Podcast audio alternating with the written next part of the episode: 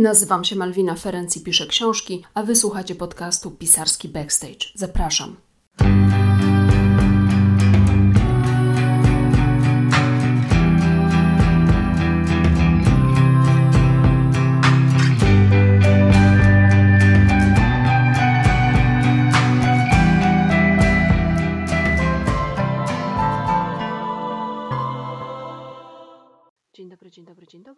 Się Malwina Ferenc, piszę książki. Mówię o sobie, że jestem rzemieślnikiem słowa, co mniej więcej się zgadza i witam Was serdecznie w podcaście Pisarski Backstage. Dzisiaj odcinek numer 25. Nadałam mu tytuł Czy Polacy czytają tylko instrukcje gotowania makaronu? O raporcie czytelnictwa 2021-2022. No to jest taki raport, który e, robi się, e, powstaje na zlecenie Biblioteki Narodowej i konkluzje wynikające z tego raportu są nader ciekawe. Będę chciała się z nimi, e, nimi z Wami podzielić.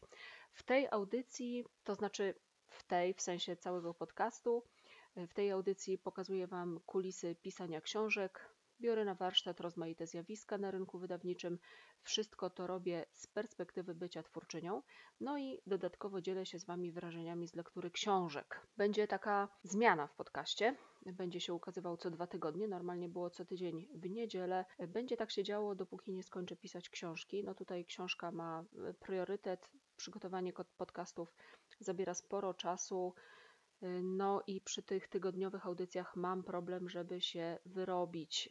Wyznaczyłam sobie taki deadline i chcę tego terminu się trzymać, więc proszę Was o zrozumienie. To i Wam się opłaci, i mi się opłaci. Wy będziecie mieli lepiej przygotowane odcinki, a ja będę miała czyste sumienie. Dobrze, więc dzisiaj o tym, czy Polacy czytają, a jeśli czytają, to co czytają, kto i gdzie czyta i czy ma znaczenie wiek albo płeć przy tym przy tych preferencjach czytelniczych.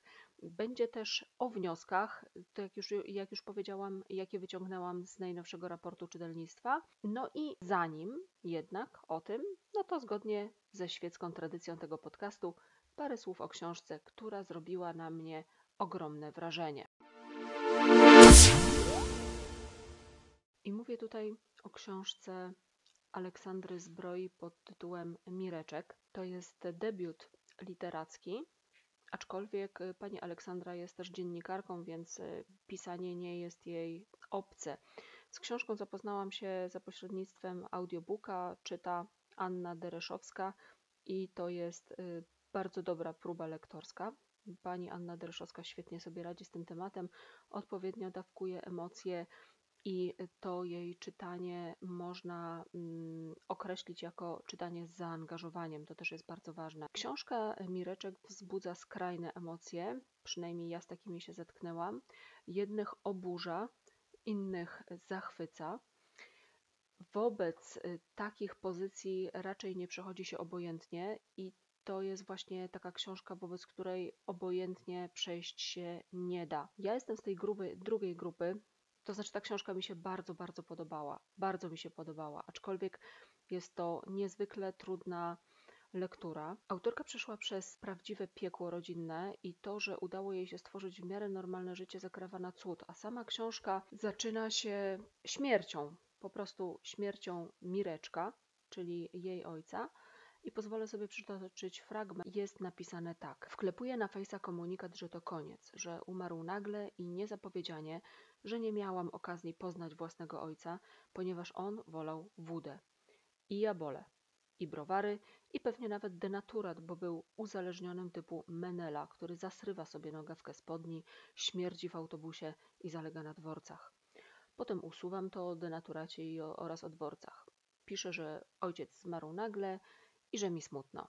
Po chwili dodaje, choć już wiele lat temu zabrały mi go demony, plątające się w jego trzewiach i głowie. Nie znaliśmy się.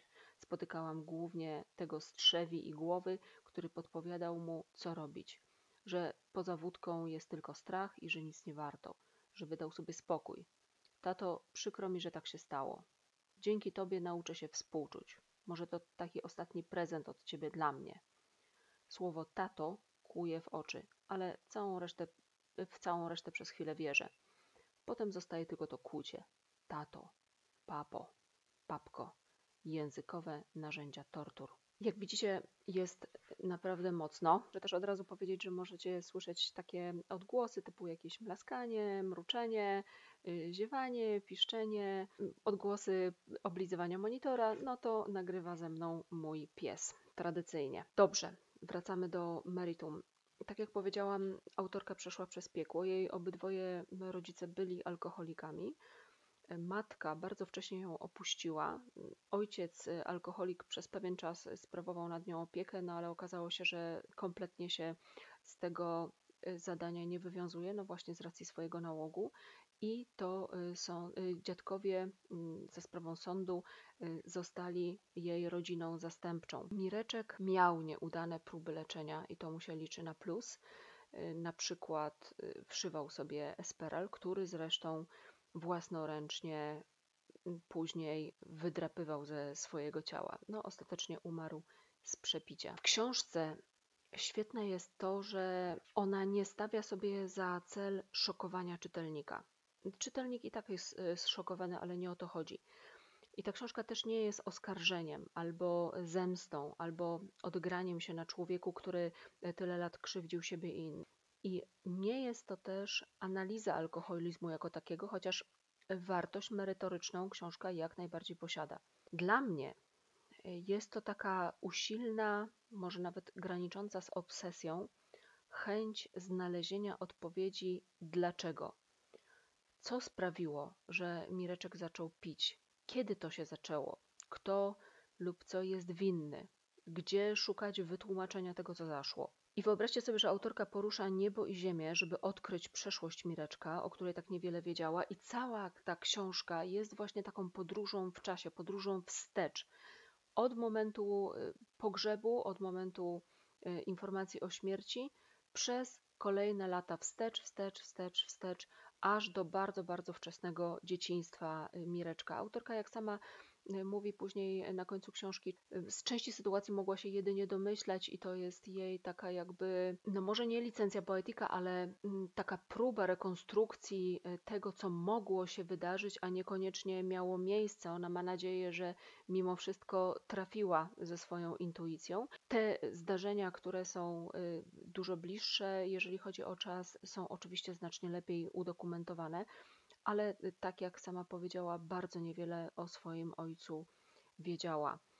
Natomiast to poszukiwanie jest nie tylko po to, żeby mm, zrozumieć, co zaszło, żeby, mm, żeby właśnie uzyskać tę odpowiedź, na której tak bardzo jej zależy. Ona to robi też z innego powodu, bo dziecko z rodziny tak mocno dysfunkcyjnej czuje się winne, ponieważ y, nie wie, dlaczego rodzic robi to, co robi, i podświadomie obarcza się odpowiedzialnością za jego stan. To jest klasyczne. I to poszukiwanie prawdziwej przyczyny alkoholizmu Mireczka jest też sposobem zdjęcia z siebie tego niesłusznie nałożonego ciężaru. Nawet gdy kolejne hipotezy padają w książce, bo może to, może z powodu tego, no to jest jedna taka hipoteza, która po prostu sprawia, że autorka aż oddycha z ulgą. Tak, to pewnie przez to. O Boże, czyli nie ja jestem winna. Nawet wprost jest to powiedziane, że to, czyli to jest winne. Jest coś takiego. No później ta hipoteza niestety zostaje obalona, okazuje się mrzonką. Odpowiedź, jaką dawała, zostaje zabrana. I to jest bardzo szczera i bardzo prawdziwa książka. I zarzucano autorce, jak sama o tym pisze, że niepotrzebnie wyciąga brudy na wierzch, że nie powinno się mówić źle o swojej rodzinie, że nie wypada, że wstyd. No i właśnie chodzi o ten wstyd. Chodzi o to, by wreszcie przestać się wstydzić. Wstyd jest uczuciem niezwykle niszczącym. Naprawdę. Arcyważna moim zdaniem jest końcówka książki, którą Wam tutaj zacytuję i to nie będzie żaden spoiler, więc nie obawiajcie się, możecie książkę spokojnie przeczytać. To jest taki fragment. Chowamy się po kątach i milczymy.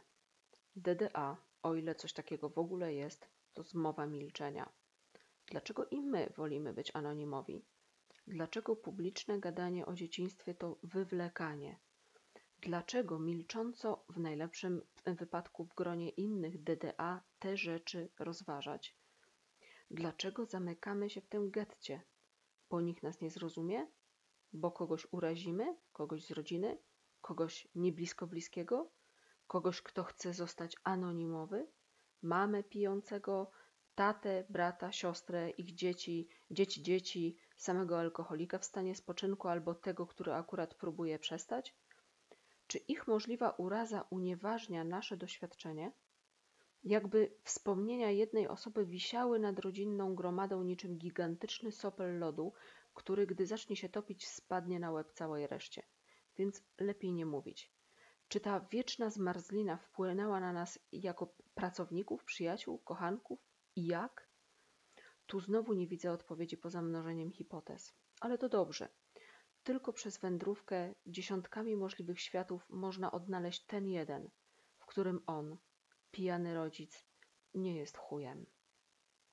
Gorąco Wam polecam tę książkę. Naprawdę gorąco Wam polecam Aleksandry Zbroi Mireczka. To jest pozycja, którą zdecydowanie warto przeczytać, nie tylko mając za sobą doświadczenie pijącego rodzica, czyli nie tylko kiedy się jest DDA, dorosłym dzieckiem alkoholika, ale warto tę książkę przeczytać dla samego podejścia do tematu, jaki proponuje autorka.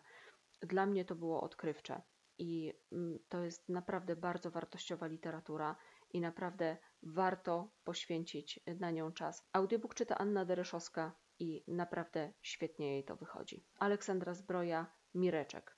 Czytajcie. Dobrze, przejdźmy do raportu czytelnictwa. Czy Polacy czytają tylko instrukcje gotowania makaronu? W marcu 2022 roku Biblioteka Narodowa przeprowadziła takie kolejne badanie, jakby cząstkowe badanie czytelnictwa książek na ogólnopolskiej reprezentatywnej grupie Polaków w wieku co najmniej 15 lat. Czyli uwaga, uwaga, ja już teraz zaznaczam, że w skład tej grupy weszli uczniowie. To jest istotne później dla wyników tego, te, tej sądy. Respondentów było 1974 i te, te 1974 osoby zapytano y, w trakcie 2021 roku. One miały tam, to było takie czasowe badanie, po pewnym czasie też odpowiadały na dane pytania. I ten pomiar powtórzono właśnie w marcu 2022 roku, i wtedy wzięło w nim udział 2009 osób. I celem przeprowadzenia tego dodatkowego sondażu o innej porze roku y, była przede wszystkim takie, taka weryfikacja, sprawdzenie hipotezy o tym, czy takie praktyki czytelnicze są sezonowe. No bo wiecie, chodzi o to, że była pandemia, tak? Na początku y, pandemii y, była informacja, że radykalnie wzrosło czytanie, czytelnictwo.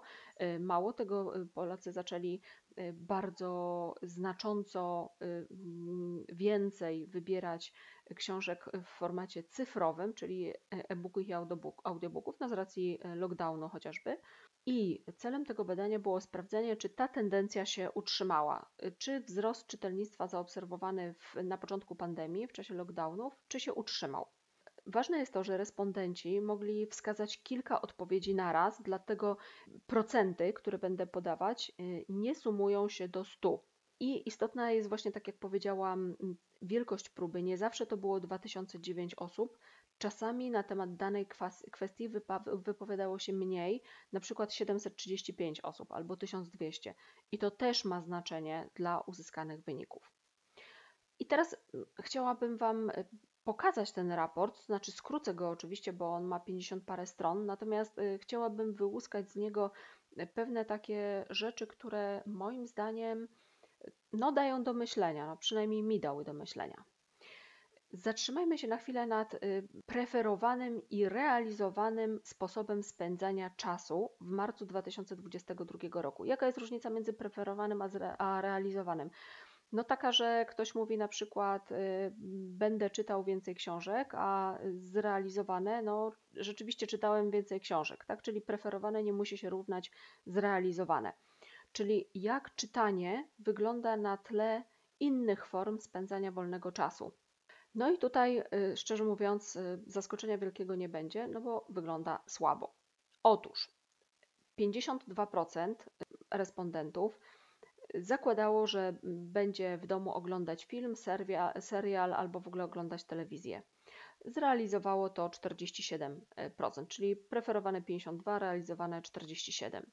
22% oświadczyło, że wcześniej położy się spać i przeznaczy ten y, czas na wolny czas na odpoczynek. 22%, a zrobiło tak w rzeczywistości 41%. Na czytanie, przeglądanie informacji, wiadomości, ale uwaga, uwaga, nie książek, tylko mediów społecznościowych w internecie, czyli czytanie wszystkiego, co niosą ze, sobie, ze sobą media społecznościowe i internet, y, deklarowało 14%, y, rzeczywiście zrealizowało 15% respondentów, a to, że ktoś będzie czytać w domu książki, książki, książki, a nie, a nie Facebooki, to y, deklarowało 11% i w rezultacie zrealizowało 10%. Czyli y, tylko, y, biorąc pod uwagę tę grupę respondentów, tylko co dziesiąty Polak zakładał, że czas wolny poświęci na czytanie książek. I teraz, ile książek Polacy przeczytali w ciągu 12 miesięcy poprzedzających badanie? Co najmniej jedną książkę przeczytało 38% badanych. No ale błagam, co to jest jedna książka? Czyli 7, 62% y, ludzi nie przeczytało żadnej książki w ciągu 12 miesięcy. Żadnej. Czyli w 2019 roku lekturę co najmniej jednej książki zadeklarowało 39% badanych i tutaj była próba 2982 osoby. I tutaj autorzy tego, mm, tego raportu porównują właśnie, zwracają uwagę na bardzo podobne wyniki w 2019 roku, czyli przed pandemią i w 2022 roku, czyli już praktycznie po wyjściu z pandemii. W 2019 było 39, w 2022 było 38 i wysunęli z tego, wyciągnęli z tego taki wniosek, który moim zdaniem jest słuszny, że po prostu wzmożona, wzmożone czytelnictwo, y, no to tutaj ta tendencja się nie utrzymała, skończył się lockdown, y, skończyły się obostrzenia, ludzie wrócili do pracy i y, stan czytelnictwa wrócił do czasu sprzed pandemii, czyli nawet jeżeli ten wzrost czytelnictwa został zaobserwowany, była to tendencja nietrwała.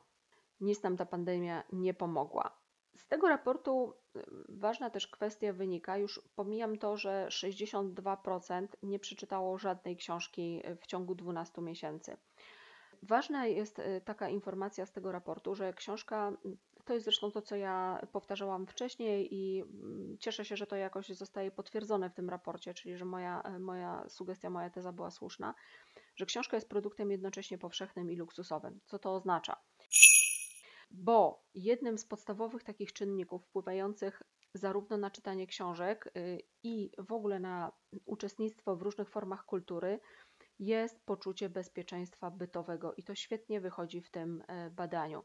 Czyli inaczej mówiąc, jeżeli mamy co włożyć do garnka i starcza nam do pierwszego i nie musimy jakoś radykalnie zaciskać pasa, wtedy czytamy więcej, a przynajmniej więcej kupujemy e, książek.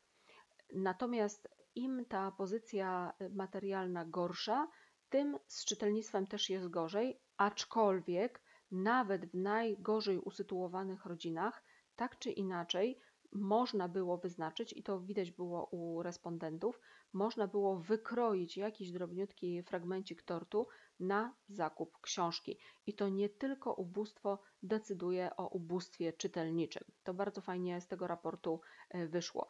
Z tego badania też wynika właśnie, że nawet przy bardzo skromnym budżecie na książkę znalazła się kasa w tych e, gorzej usytuowanych rodzinach. I druga rzecz, że nawet przy bardzo skromnym budżecie ludzie nie rezygnują z abonamentów na przykład na seriale, jakiś Netflix czy, czy jakieś tam e, inne rzeczy. Zobaczmy, jak to wygląda. W, w grupie, która jest dobrze usytuowana, czyli starcza na wszystko i jeszcze oszczędzamy na przyszłość, to 64% e, ludzi przeczytało co najmniej jedną książkę. Ale odwróćmy to. W grupie ludzi powiedzmy zamożnych 34% nawet w tej grupie 34%, 1 trzecia nie przeczytała ani jednej książki w ciągu roku. Dla porównania, w grupie, gdzie pieniędzy starcza tylko na podstawowe potrzeby, co najmniej jedną książkę przeczytało 17%, czyli 64 do 17. Ale na przykład, jeżeli weźmiemy ym, korzystanie z internetu, ale w sensie takim, że oglądanie filmów i seriali na ekranie komputera lub e, urządzenia mobilnego, czyli inaczej mówiąc, abonament, tak, jaki się płaci co miesięczny na korzystanie z różnych platform streamingowych, to y, w grupie, która była najlepiej usytuowana, 80% ludzi taką y, rozrywkę deklarowało, a w grupie, gdzie pieniędzy starcza tylko na podstawowe potrzeby, uwaga, uwaga, 56%.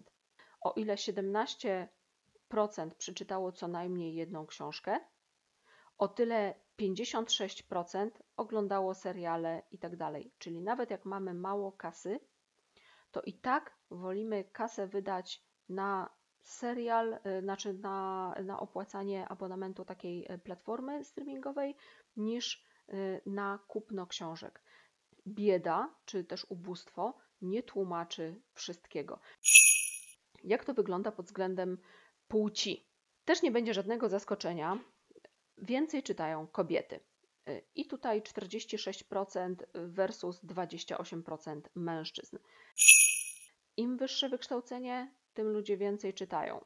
Ale właśnie, jeżeli weźmiemy y, wykształcenie wyższe, to 63% zadeklarowało, że co najmniej jedną książkę przeczytało w ciągu roku, ci z wyższym wykształceniem. Jeżeli weźmiemy sobie próbę 7 i więcej książek, to jest to, uwaga, 18%.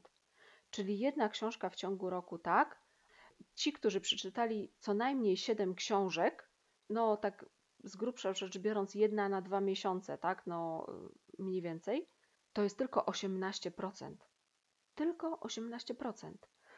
Czyli ogólnie tak, niezależnie od tego, jakie mamy wykształcenie, jedną książkę, no tam jeszcze powiedzmy jest, jesteśmy w stanie przeczytać, ale już więcej, no to są to wyjątki. To nie jest dobra wiadomość, ani dla rynku czytelniczego, ani dla pisarzy, ani dla wydawnictw, ani dla samych czytelników. Ogólnie z czytelnictwem w Polsce dzieje się źle. Wiek a książki. Wbrew pozorom wcale więcej nie czytają dziadki i babcie na emeryturze, więc jeżeli zakładacie sobie taki optymistyczny scenariusz, że na emeryturze nie będziecie musieli pracować, ha, ha, ha, że w ogóle będziecie mieli emeryturę, ha, ha, ha, to y, jeżeli będziecie, mm, zakładacie sobie, że będziecie czytać, bo będziecie wtedy mieli w cholerę czasu i właśnie wtedy sobie przeczytacie wszystko, na co Wam starczyło, nie starczyło czasu wcześniej, otóż nie. Badania tego nie potwierdzają, tylko 31% ludzi po 60 deklaruje czytanie książek, a im starszy człowiek, tym mniej ludzi czyta. Po 70 są to już pojedyncze procenty. I dlaczego tak jest?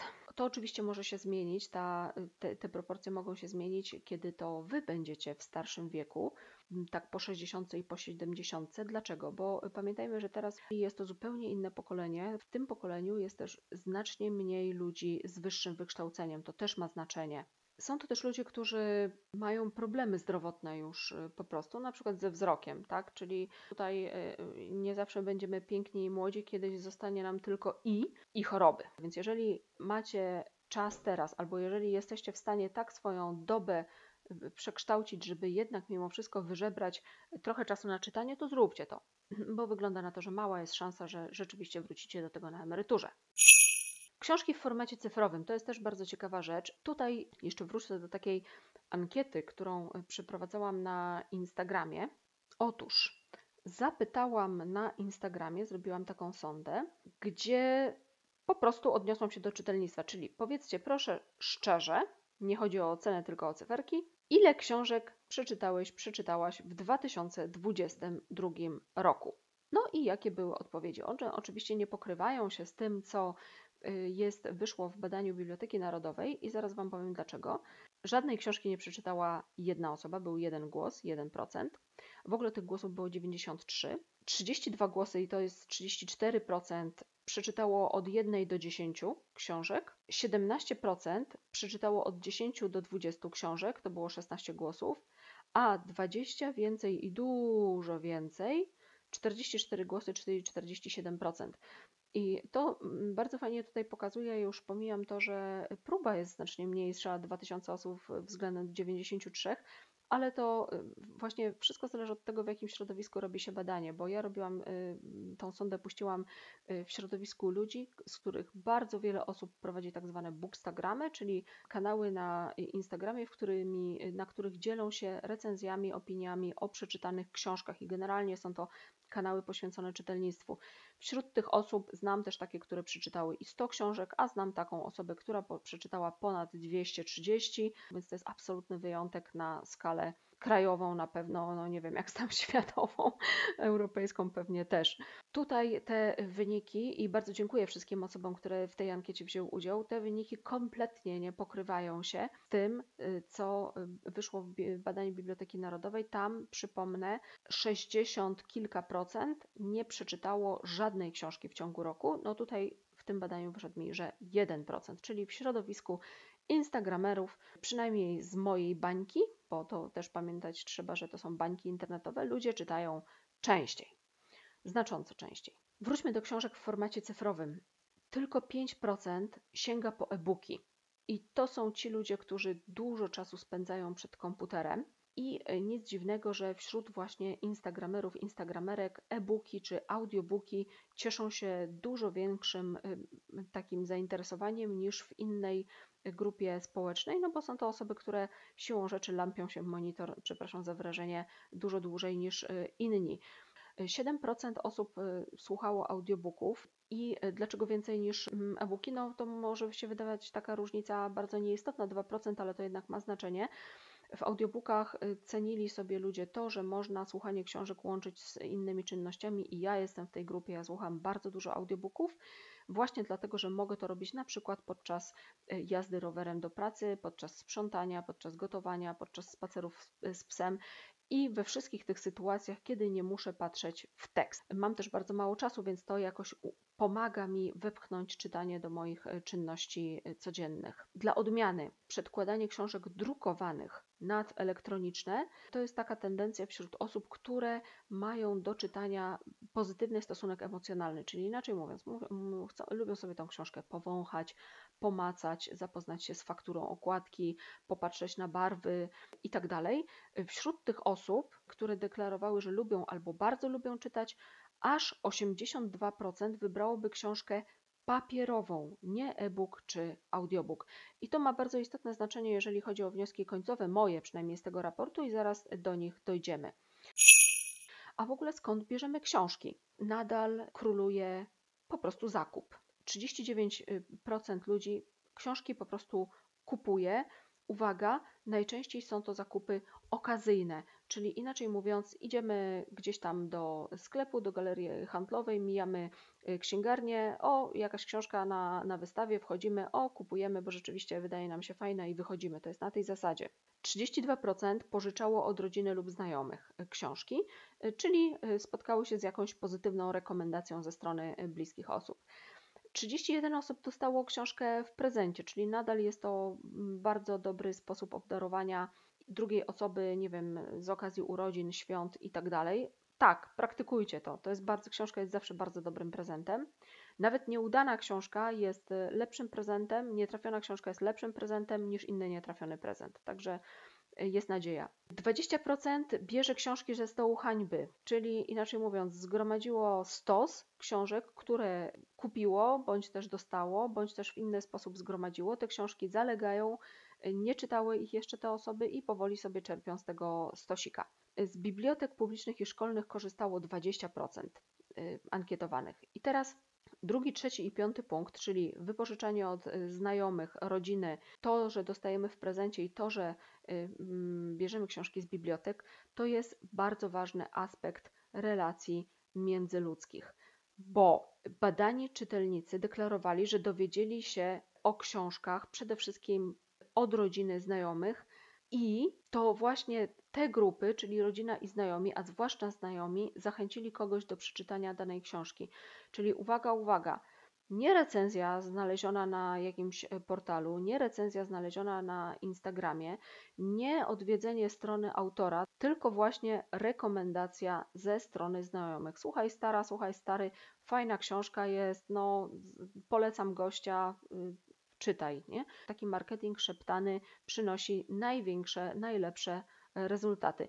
Kobiety chętniej niż mężczyźni wymieniają się opiniami o książkach, no ale też więcej czytają, tak? Więc dla nich rekomendacje bliskich osób pełnią większą rolę. A zatem w ogóle nie przeceniajmy Bookstagrama, nie spinajmy się tak, jak nam, jak nam siadają zasięgi. Dla 45% mężczyzn i 53% kobiet książki polecają znajomi i przyjaciele. I to jest marketing szeptany. Połowa, tak uśredniając, preferencji czytelniczych bierze się z tego, że ktoś nam książkę polecił, ale ktoś, z kim mamy wizualny, osobisty kontakt a nie profil, który obserwujemy na y, Instagramie czy na Facebooku. Y, dla 30% mężczyzn i 34% kobiet to, to, tym ważnym, mm, ważnym marketingiem szeptanym zajmowała się rodzina, czyli y, jedna trzecia po prostu po wskazówkach rodziny sięgnęła po danego autora czy książkę. 16% mężczyzn i 28% kobiet po prostu samodzielnie przeglądało książki w księgarni niezobowiązująco i je wybrało, i to były tak zwane zakupy spontaniczne, bez konkretnego celu i autora. Natomiast y, internet, w sensie Bookstagram, ogólnie łącznie, tak, łącznie tutaj patrzymy, Bookstagram, reklamy, strony autora, strony wydawnictw, tym kieruje się 14% mężczyzn i 20% kobiet, Dlatego bez emocji, jeżeli siadają Wam zasięgi. Bookstagram wśród tych procentów to też zajmuje, wśród tych 20% Bookstagram zajmuje tylko część. Ja bym powiedziała, że to może być 10%. Czyli co dziesiąty tak naprawdę zaufał rekomendacjom na y, Instagramie. I to jest bardzo ważna też informacja dla wydawnictw, jak myślę, no i dla autorów też. To jest też ważna informacja dla bibliotek. To jest kolejna z ról, jakie biblioteki mają przed sobą, czyli to jest nie tylko wypożyczanie książek, ale również kształtowanie preferencji czytelniczych. Jak to więc wygląda wiekowo? Statystyczny klient kupujący książki jest kobietą w wieku 18 do 59 lat. Statystyczny czytelnik biblioteczny też jest kobietą, ale w wieku 60-70 lat i pewnie ma to y, związek z wysokością emerytur. No i teraz, jakie książki czytamy najczęściej? Więc tutaj się zaczyna ta najciekawsza część raportu. Co czytamy, po, po co y, sięgamy? I moim zdaniem wyniki są jednocześnie odpowiedzią na to, dlaczego półki w księgarniach wyglądają tak, a nie inaczej. Dlaczego, jeżeli nowe nazwisko wchodzi na rynek, oddaje książkę w takim, a nie innym gatunku? dlaczego powstają nowe wydawnictwa, ale wszystkie jak jeden mąż mają w ofercie te same gatunki. Otóż najczęściej czytamy literaturę kryminalną, sensacyjną, thriller, thriller psychologiczny, powieść detektywistyczną. 29% tych, którzy czytają książki, sięga po ten typ literatury, czyli prawie co trzeci Polak, jeżeli w ogóle coś przeczytał w 2021-2022 roku, to był to kryminał. Literatura obyczajowa, popularna, romanse, powieść erotyczna to 21% tych, którzy czytają, czyli co piąty czytelnik wybierał obyczaj, erotyk, romans. Literatura non-fiction, czyli y, biografie, autobiografie, wspomnienia, wywiady, publicystyka, historia XX wieku, po to sięgało 16% czytających ludzi. A literatura piękna, wysokoartystyczna, y, czyli taka y, literatura z nagrodami literackimi, ale także poezja, dramat, czy w ogóle literatura współczesna XX-XXI wieku po 1918 roku, to też jest ważne, to jest, słuchajcie, 9%. A zatem wydaje się to, na czym się zarabia. To jest proste. Jeżeli ludzie czytają przede wszystkim kryminały, thrillery, obyczaje i e, powieść erotyczną, to właśnie te gatunki zalewają rynek, bo jest największa szansa na sprzedaż. Na literaturze pięknej się nie zarobi i to nie mówię tylko ja, czyli ten prymat taki, przewaga literatury popularnej, pop literatury, jak ja to nazywam, i tych dwóch konkretnych właśnie działów, czyli kryminał, thriller oraz y, obyczaj, romans, powieść erotyczna, to jest tak duża przewaga na rynku, że nawet te wydawnictwa w cudzysłowie takie lepsze, y, bardziej znane, czy też y, z lepszą renomą, robią sobie tak zwane podbrandy, czy tam marki zależne i również wydają literaturę popularną. Nie, no nie, najczęściej nie ze swoim znacznikiem, nie ze swoim logo, aczkolwiek to też się zdarza, ale robią sobie właśnie, wydzielają taką podmarkę i w ramach tej podmarki sprzedają literaturę popularną, no bo z czegoś się trzeba utrzymać, a wygląda na to, że znakomita większość Polaków czyta właśnie to. Na tym się zarabia, czyli na ambitnej literaturze się nie zarobi. Trafiamy więc na przykład na mnóstwo debiutów i w ogromnej większości debiutanci piszą kryminały, sensacje, thrillery, thrillery psychologiczne, romanse, powieść erotyczną i powieść obyczajową. Debiutanci, którzy zaczynają od literatury pięknej, no to jest to zdecydowany margines tego, co się wydaje i co jest czytane. Poniżej literatury pięknej jest y, non-fiction y, w sensie reportaż, reportaż także literacki, literatura faktu i literatura podróżnicza. Po to sięga 8% czytających, czyli hello, hello, usłyszeliśmy pukanie od spodu. Jakich autorów czytamy najczęściej? No i to jest właśnie ta część raportu, co do której mam bardzo duże wątpliwości y, co do rezultatów tego pytania, i to jest ta część, kiedy bym upierała się, że nawet próba 2000 osób to jest zdecydowanie za mała próba, żeby wysądować y, to, po jakich autorów czytelnicy sięgają, ponieważ autorów jest od zatrzęsienia. I rzeczywiście, powiedzmy, są y, jedno czy dwa nazwiska, co do których ja rzeczywiście zgodziłabym się, że tak, te osoby są czytane najczęściej. Natomiast co do całej reszty miałabym naprawdę spore wątpliwości, bo na tej liście wśród y, tych najczęściej czytanych nazwisk brakuje takich autorów, o których wiadomo, że sprzedały setki tysięcy albo nawet y, milion egzemplarzy książek. Za to są takie osoby, co do których ciężko mi uwierzyć, że ktoś sięga po danego autora inaczej niż z przymusu. Bo na przykład Katarzyna Grochola sąsiaduje z Henrykiem Sienkiewiczem w tym raporcie, tak dosłownie łeb w łeb idą i to jeszcze jest do przyjęcia. Ale na przykład E.L. James, czyli autorka 50 twarzy Greya, sąsiaduje z Mickiewiczem. No i jakoś nie przypuszczam, żeby na przykład w bibliotece zdarzył się taki dialog. Może coś z kryminałów? E, nie, dziękuję, wolę pana Tadeusza. Albo Tolkien sąsiaduje z Molierem. Mroza ostatnio czytam, a ty? Moliera, stary, nie uwierzysz, co za koleś, jaka szkoda, że dopiero w tym roku go odkryłem. Petarda. No tak, jasne. Czyli tutaj mamy miszmasz y, literatury popularnej, lektur szkolnych, literatury pięknej i naprawdę ciężko mi uwierzyć, że to zestawienie odzwierciedla faktyczne preferencje. Dlatego też podkreślałam wcześniej, że istotną informacją było to, że raport, do raportu włączono osoby od 15 roku życia. Stąd Sienkiewicz, Mickiewicz, Molier, Homer się pojawia, Sofokles się pojawia. No wow, no za, zaczytujecie się Sofoklesem, nie? Na pęczki. Nie ma na przykład Jonesbo, to znaczy tam się później pojawia, że y, dwie osoby za, zadeklarowały, że czytały Jonesbo. Dwie osoby na dwa tysiące? Naprawdę? Facet, który sprzedał miliony egzemplarzy i po jego y, kolejne książki ustawiają się kolejki, naprawdę? Promil? Już nawet nie procent, a promil? No nie uwierzę w to. Nie ma twardocha, nie ma Żulczyka, którzy owszem reprezentują literaturę piękną, ale to są autorzy bestsellerów.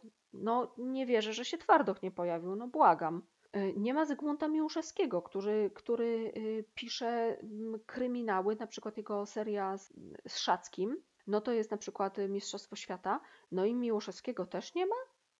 No błagam, nie? Słowem, dziwnie się ci respondenci ułożyli, jak dla mnie. Więc może właśnie jest to efekt tego, że ta próba co do tego pytania jest zbyt mała, żeby wyciągnąć jakieś rzeczywiste y, wnioski odpowiadające y, no, tak, rzeczywistości.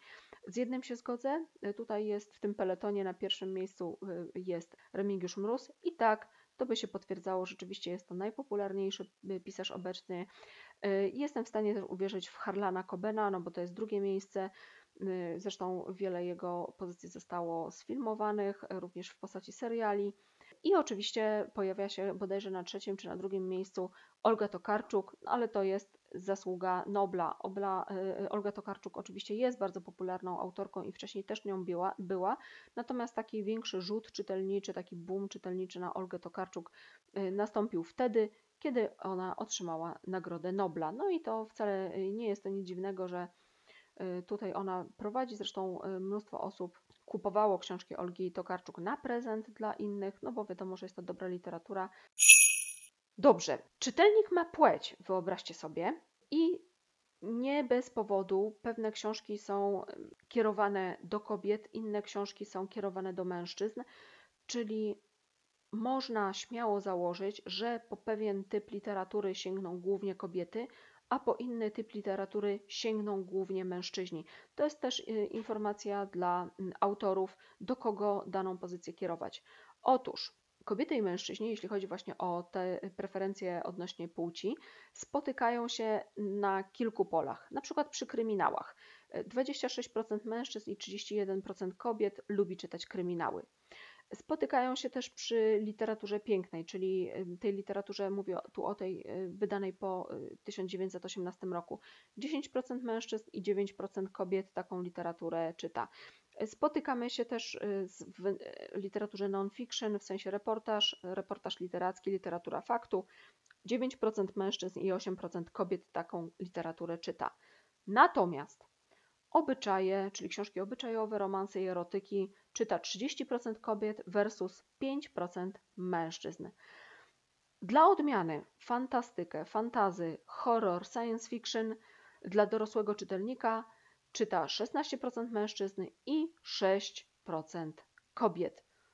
Czyli jest to taka sytuacja, że można się tam zrzymać, że jak to płeć nie determinuje, ależ owszem, płeć determinuje wybory czytelnicze, jak najbardziej determinuje. W pewnych gatunkach autor powinien założyć, że pisze konkretnie dla kobiet lub konkretnie dla mężczyzn i myślę, że tutaj autory też, e, e, autorzy też takie rzeczy zakładają. Nie ma co walczyć z, z wiatrakami. I na koniec, jeszcze zanim będą wnioski, troszeczkę więcej Wam powiem o stosach hańby, czyli to, co trzymamy w domu, w sensie formy. Otóż 23% osób w ogóle nie ma takiego problemu ze stosami hańby, albowiem gdyż nie ma w domu ani jednej książki. W ogóle nie mają książek. 23% osób ankietowanych nie ma w domu żadnej książki. 9% ma, ale są to tylko podręczniki szkolne. 64% y, czytelników ma, czy ankietowanych ma książki. Są to różne książki, oprócz podręczników szkolnych, ale tylko w formie tradycyjnych książek papierowych. 64% ma tylko papierowe y, książki w swoim domu, a 4% ma bardzo różne książki, i tutaj nie liczymy tych podręczników, zarówno w formie papierowej, jak i e-booków i audiobooków. Y, czy więc, jeżeli nie mam takiej ścianki książek w domu, to znaczy, że jestem debilem? Nie, no absolutnie nie, dlatego że y, to przyczyny są dużo bardziej takie powierzchowne niż tylko to, czy ktoś czyta książki, czy ich nie czyta. Ważny aspekt to po prostu powierzchnia mieszkania. Mieszkania nie są z gumy. Ja przeprowadziłam się i teraz mam mieszkanie większe, więc z automatu dokupiłam jeszcze jedną biblioteczkę, ale w moim poprzednim mieszkaniu miałam przede wszystkim ten o rany sąsiedzi robią remont. No trudno, jakoś musicie to wytrzymać, zbliżamy się już do końca.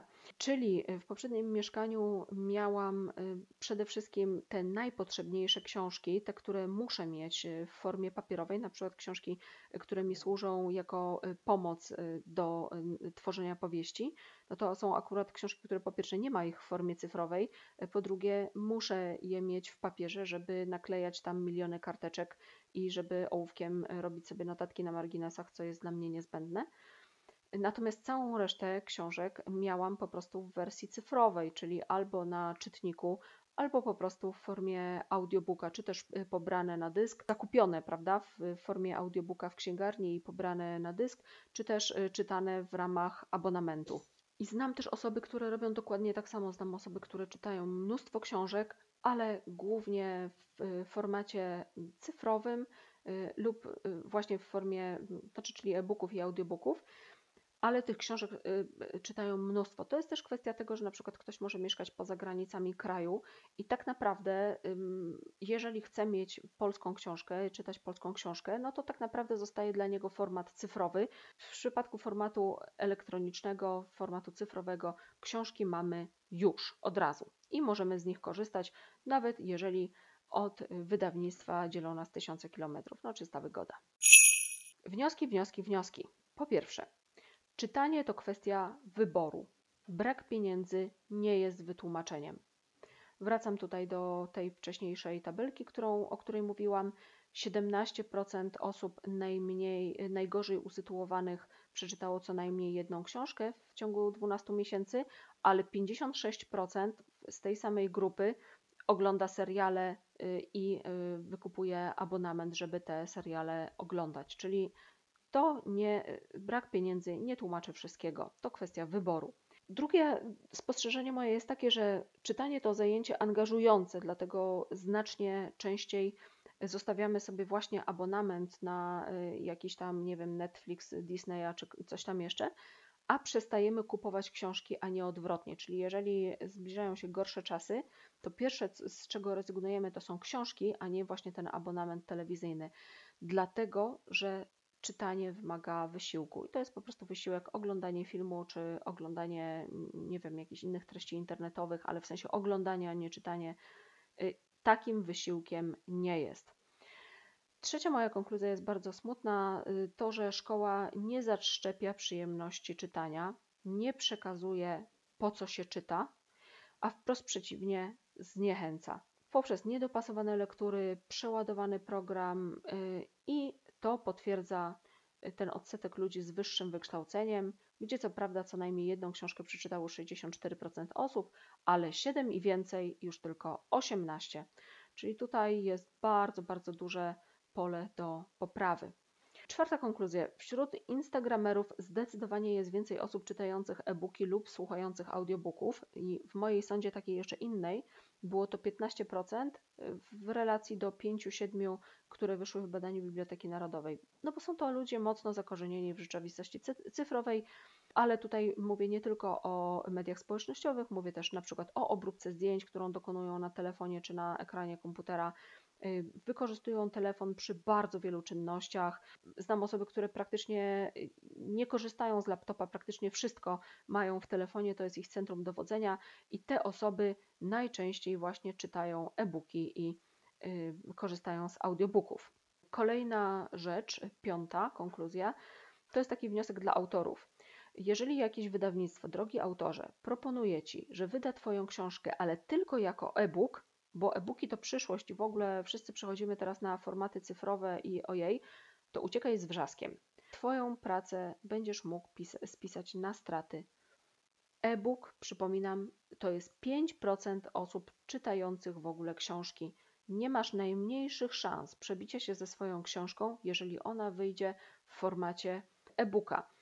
Jeżeli jest to dobra książka i włożyłeś w nią sporo pracy, to naprawdę szkoda Twojej pracy. Książki sprzedają się przede wszystkim w papierze.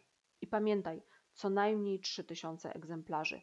Mniej nie ma sensu. Kolejna rzecz y, to jest właśnie ten punkt szósty, czyli sprzedaje się przede wszystkim papier, ze względu na to też, że nie wymaga umiejętności cyfrowych, a to jest ważne dla ludzi w starszym wieku. To dlatego, y, między innymi dlatego, bo tutaj jest też kwestia dochodów, ale y, dlatego y, ten statystyczny czytelnik korzystający z bibliotek jest kobietą w wieku 60-70 lat. Co prawda najczęściej czytają ludzie młodzi i tacy bezpieczni finansowo, ale tutaj pamiętajmy, że format cyfrowy wymaga albo obsługi smartfona, co y, nie dla każdego jest takie, y, taką oczywistą oczywistością, albo na przykład posiadania czytnika, a dobry czytnik to jest kilkaset złotych, czyli żeby sobie czytać później książki w abonamencie, nie każdy to ogarnia i nie każdy ma po prostu pieniądze, żeby sobie taki czytnik sprawić. Punkt siódmy. Skok czytelniczy w pandemii jest już dawno za nami i nie był to trwały trend, czyli z czytelnictwem jest tak źle, jak było, jak było, a pewnie będzie i jeszcze gorzej. I tutaj jednak będę się upierać przy tym, że ogromne znaczenie ma to, jak preferencje czytelnicze kształtuje szkoła, czyli mm, mówiąc y, wprost, jak ich nie kształtuje. Kolejna konkluzja. E-booki i audiobooki to cały czas nisza i to się nie zmieni. Dlaczego? Dlatego, że VAT na przykład na e-booki i na książki papierowe jest dokładnie taki sam, to jest 5%. E-booki wcale nie są dużo tańsze, pomimo tego, że do ich produkcji nie używa się papieru. czasem w ogóle nie są tańsze wobec takich formatów pocket, y, które można zobaczyć, czyli takich z, dro z drobną czcionką, takie drobne książki, albo formatów sprzedawanych w dyskontach. Tam można książki na przykład po 10 zł kupić. Ludzie czytają książki cyfrowe na telefonach też, no rzadziej na komputerach. Y, czytnik e-booków kosztuje. Czytanie na telefonie jest bardzo niezdrowe dla oczu i bardzo zniechęcające, dlatego też większość osób, y, jedna, to jest jedna z przyczyn, dla których wybierają formaty y, papierowe. Czytanie na telefonie po prostu męczy. I kolejna rzecz, Bookstagram mocno działa w dziedzinie społecznych relacji towarzyszących lekturom jeżeli miałabym wskazać jakiekolwiek zalety Bookstagrama, no to to jest właśnie taka, że to jest po prostu, tutaj nawiązują się takie relacje społeczne, które y, towarzyszą y, lekturom. Jeżeli jakieś przyjaźnie się zadzierzgnęły na tym polu, no to na pewno jest to zaleta Bookstagrama. I ostatnia rzecz, taki punkt dziesiąty, chodzi o wzrost publiczności czytelniczej literatury gatunkowej, zwłaszcza kryminalnej, w kontekście ograniczonej, a nawet kurczącej się ogólnej populacji czytelników. Ten wzrost sprzyja załamaniu populacji czytelniczej ambitniejszej literatury, szczególnie współczesnej, czyli coś jest kosztem czegoś. W, dwa, w, badaniu w 2021 roku jedynie proza Olgi Tokarczuk była obecna w masowym obiegu czytelniczym jako literatura piękna, no ale tutaj wiemy, że chodzi o Nobla.